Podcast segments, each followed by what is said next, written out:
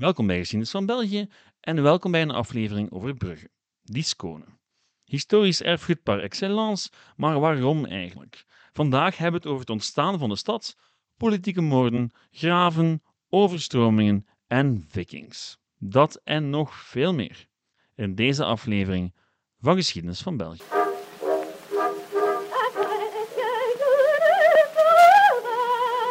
Laat mij beginnen met een bekentenis. Ik heb deze aflevering een hele tijd uitgesteld. Want, toegegeven, het is een beetje vreemd dat in een podcastreeks over de Belgische geschiedenis, waarin ik regelmatig historische steden onder de loep neem, nu pas aan Brugge ben toegekomen. Want we hebben het ondertussen al gehad over Doornik, Luik, Aalst, Dendermonde, Ieper, Vilvoorde, Schaarbeek, Anderlecht, Molenbeek, Gent en Brussel. En niet over Brugge de mooiste historische stad van België en een van de belangrijkste in haar geschiedenis. Dan denk je dat dat een makkelijk onderwerp is voor iemand als mij. Wel, nee. Als je het mij vraagt, is het verhaal van Brugge net zeer ingewikkeld. Want in tegenstelling tot wat velen denken, is de geschiedenis van Brugge niet enkel het verhaal van een rijke handelsstad vol middeleeuwse gebouwen. Het is het verhaal van een stad die een gigantische bloei heeft gekend en sindsdien nooit meer hetzelfde geweest is. En net daarom zijn er zoveel gebouwen zo goed bewaard gebleven, omdat er eigenlijk niet veel mee gebeurde. Maar daarover later meer. Nu, versta me niet verkeerd. Brugge is een prachtige stad waar ik zelf ook graag in rondstruin. Maar achter het klassieke verhaal van het Venetië van het Noorden schuilt een andere waarheid. Brugge had een periode van immense bloei en tijdens die periode behoorde het tot de belangrijkste steden van Europa. En niet lang daarna was het enkel nog een schim van zichzelf. Tot de dag van vandaag eigenlijk. Want wist u bijvoorbeeld dat het Brugge van vandaag minder inwoners heeft dan het Brugge van de 14e en 15e eeuw? En dat het sindsdien nooit meer dezelfde positie heeft ingenomen in de zuidelijke Nederlanden. En daar is helemaal niks mis mee, want een vergelijkbaar verhaal kan je wel over een paar andere Belgische steden vertellen. Al lijkt de mythe van Brugge een stuk groter dan die van andere steden. Want ja, het is vooral Brugge dat buitenlandse toeristen gezien moeten hebben en waar ze naartoe blijven stromen. Ook al kan je wel wat opmerkingen maken bij het historische karakter van de Brugse binnenstad. Maar goed, hoe komt dat dan? Waarom is de legende van die stad zo groot terwijl ze voor de Belgische geschiedenis slechts voor een periode van zo'n 3 à 400 jaar echt relevant is. En daarna vooral in de schaduw lag van Antwerpen, Brussel en Gent. Wel, dat gaan we samen uitzoeken. We nemen het ontstaan van de stad onder de loep, de relatieve ondergang en de herreizenis als belangrijk historisch erfgoed. Want het Brugge van vandaag heeft evenveel te danken aan de 19e-eeuwse romantiek als aan zijn middeleeuwse hoogdagen. Desondanks blijft de geschiedenis van Brugge absoluut fascinerend, maar misschien wel om andere redenen dan de meeste toeristen denken. Goed, neem nu het ontstaan van de stad. De reden dat Brugge kon uitgroeien tot een belangrijke handelsstad loopt eigenlijk al gelijk met de reden voor de uiteindelijke teleurgang. Ecologie. Klinkt vreemd, maar het is echt waar. In de derde eeuw na Christus overstroomde de hele kustvlakte helemaal tot aan Brugge. Wel, de plek waar nu Brugge ligt. Zo'n kleine 15 kilometer dus van waar zich nu onze kustlijn bevindt. Niet dat heel dat gebied echt zee was, meer een waddengebied, een ondiep zeegebied waar men enkel bij hoogtij doorvaren kon. En volstrekt onbewoonbaar.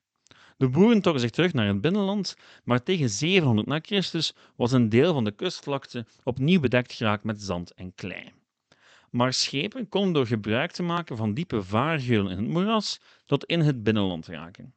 En dat waddengebied heeft trouwens zijn naam gegeven aan Vlaanderen. Vlaanderen komt van de benaming die de Carolingers hadden voor de kuststreek rond Brugge, Pagus Flandrensis, oftewel overstroomd land of slijkland. Goed, dit is zeer belangrijk voor Brugge. Ja, het klinkt als een lesje aardrijkskunde, maar die vaargeulen zorgden ervoor dat men doorheen de moerassen tot in het lokale havenstadje kon geraken, Brugge. Want als je nu naar een kaart van België kijkt, zou je kunnen afvragen hoe Brugge ooit zo'n belangrijke havenstad is kunnen worden, als ze niet rechtstreeks verbonden was met de zee. Wel, Brugge was verbonden met de zee. Een tijdje toch, in elk geval. Brugge was met de zee verbonden door die vaargeulen die dwars door de kustmoerassen liepen. En meestal waren die niet diep genoeg om grote schepen door te laten, maar als er af en toe een grote storm langskwam, dan werden die geulen uitgediept. En laat dat dan net zijn wat er gebeurde in de 11e en 12e eeuw. Vlak op het moment dat Brugge zich aan het ontwikkelen was als handelsstad. Want het lot van Brugge als handelsstad hing nu eenmaal samen met de breedte en vooral de diepte van die vaargeulen. De eerste bewoning in de streek was een Gallo-Romeinse nederzetting in de tweede eeuw na Christus. Toen verbond een geul Brugge bijna rechtstreeks met de Noordzee. Er werd zelfs een Romeins scheepvrak aangetroffen bij werken. Nu, die nederzetting zou verdwijnen toen de kustvlakte opnieuw moerasvlakte werd en die vaargeulen te ondiep waren geworden. Vanaf de 8e eeuw begon Brugge zich te ontwikkelen, maar de echte doorbraak kwam pas in de 12e eeuw. Concreet met de stormvloed van 1134.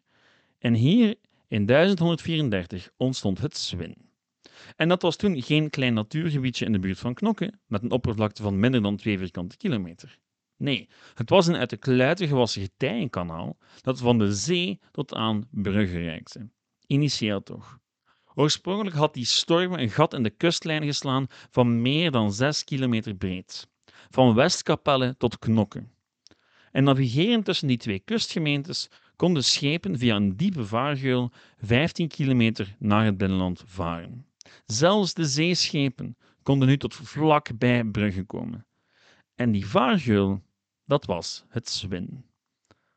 Want zwin is het oud-Nederlandse woord voor een getijdengeul.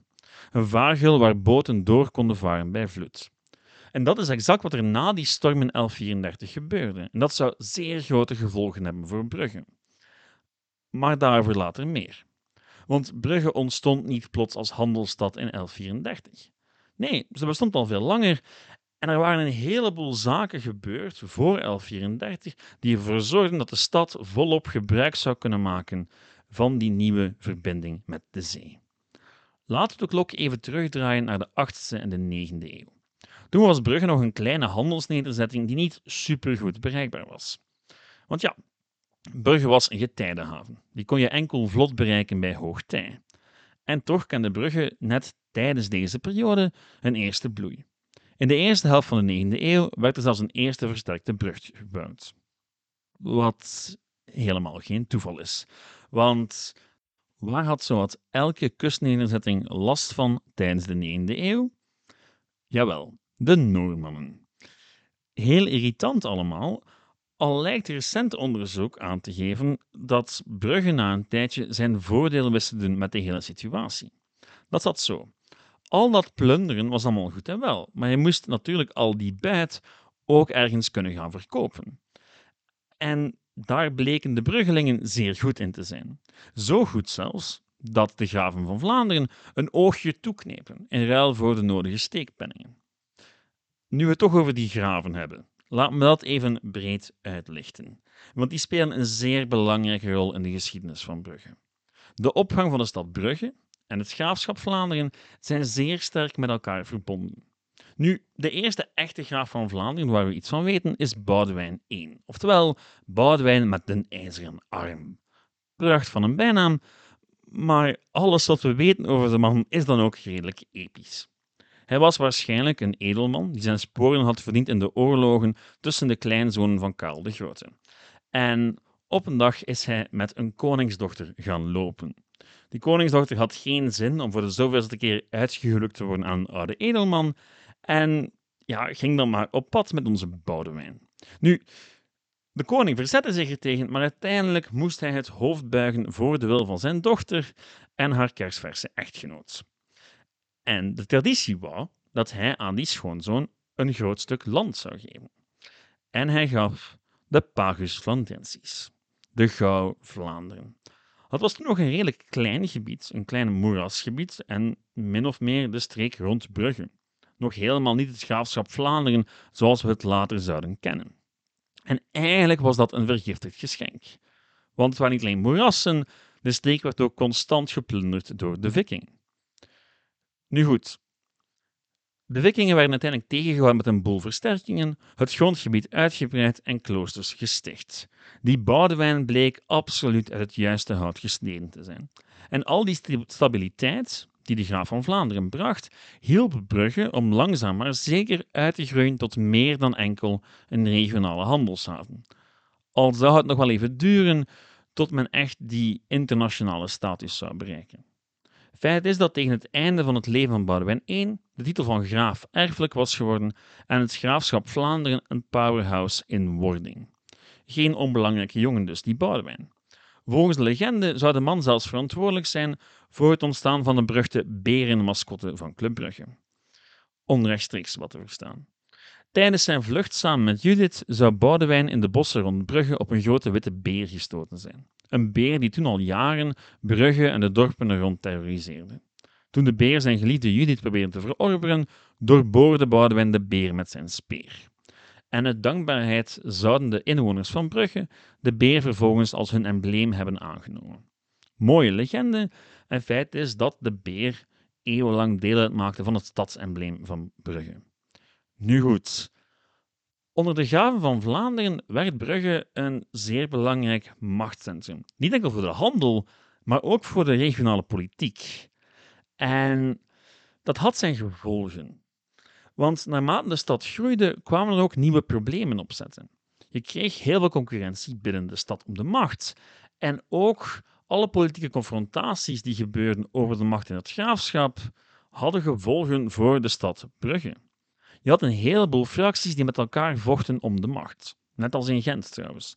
Je kan het een beetje vergelijken met New York uit de film The Godfather, waar de macht in handen is van enkele grote families die regelmatig met elkaar slaags raken. Nu, dat feitje kan ik niet beter illustreren dan met het verhaal van de moord op Karel de Goede. Karel was graaf van Vlaanderen en volgens wat alle eigentijdse bronnen een meer dan degelijke vorst. Zo eentje die stabiliteit probeerde te brengen, orde en dat soort zaken. En daardoor natuurlijk ook heel wat mensen tegen de haren in de streek. Zo ook de Erembalden, een machtige klan die overal wel leden had zitten, in het stadsbestuur, de belangrijkste kerken, enzovoort enzoverder. Nu, die Erembalden die zouden de graaf vermoorden, in een kerk, in 1127. Nu, dat lijkt erg, maar een akkefietje. Feit is dat het zeer grote gevolgen zou hebben voor de stad Brugge. Want ja, plots moest er een nieuwe graaf aangesteld worden en iedereen had wel zo zijn kandidaat. En feit is dat Brugge zich zeer vaak mengde in de politiek van het graafschap Vlaanderen. Zeker vanaf 1127, vaak samen met eeuwige concurrent Gent, maar ook een heleboel andere steden. Want ja, Steden die handelden vooral in hun eigen belang en zij steunden steeds de partij die hen het meeste opleveren kon. Af en toe trok men samen ten oorlog tegen de koning met de graaf, af en toe met de koning tegen de graaf en soms ook gewoon tegen elkaar. Neem nu wat er gebeurde na de dood van Karel de Goede. Die Erembalden werden al snel op een nummer gezet door de Franse koning. Die trok Vlaanderen binnen om orde op zaken te stellen en stelde tussendoor zijn bondgenoot aan als graaf van Vlaanderen, Willem Clito. Niks aan de hand, zou je denken. Waren het niet dat Willem overhoop lag met zijn oom, de koning van Engeland. En die koning van Engeland, die deed iets dat voor de Vlaamse steden altijd zou werken als een rode lap op een stier. Hij sneed de woltoevoer af. Want ja, al in de 12e eeuw was Vlaanderen zeer erg afhankelijk van de woltoevoer vanuit Engeland.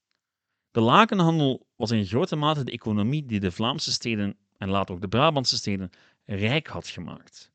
Dus het afsnijden van die woltoevoer zorgde er altijd voor dat de steden zich gingen roeren, oftewel zich gingen moeien. Dus ja, de Vlaamse steden keerden onmiddellijk hun kar en steunden de andere kandidaat voor het graafschap, Diederik van den Elzas. Nu, die Willem van Clito zou sterven voor de muren van Aalst en Diederik zou graaf worden.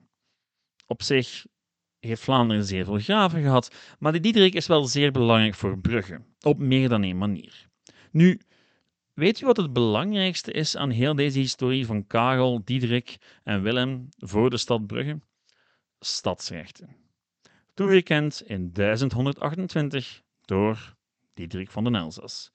Want ja, hij moest zijn dankbaarheid betuigen en er tegelijkertijd ook voor zorgen dat de stad hem zou erkennen als graaf.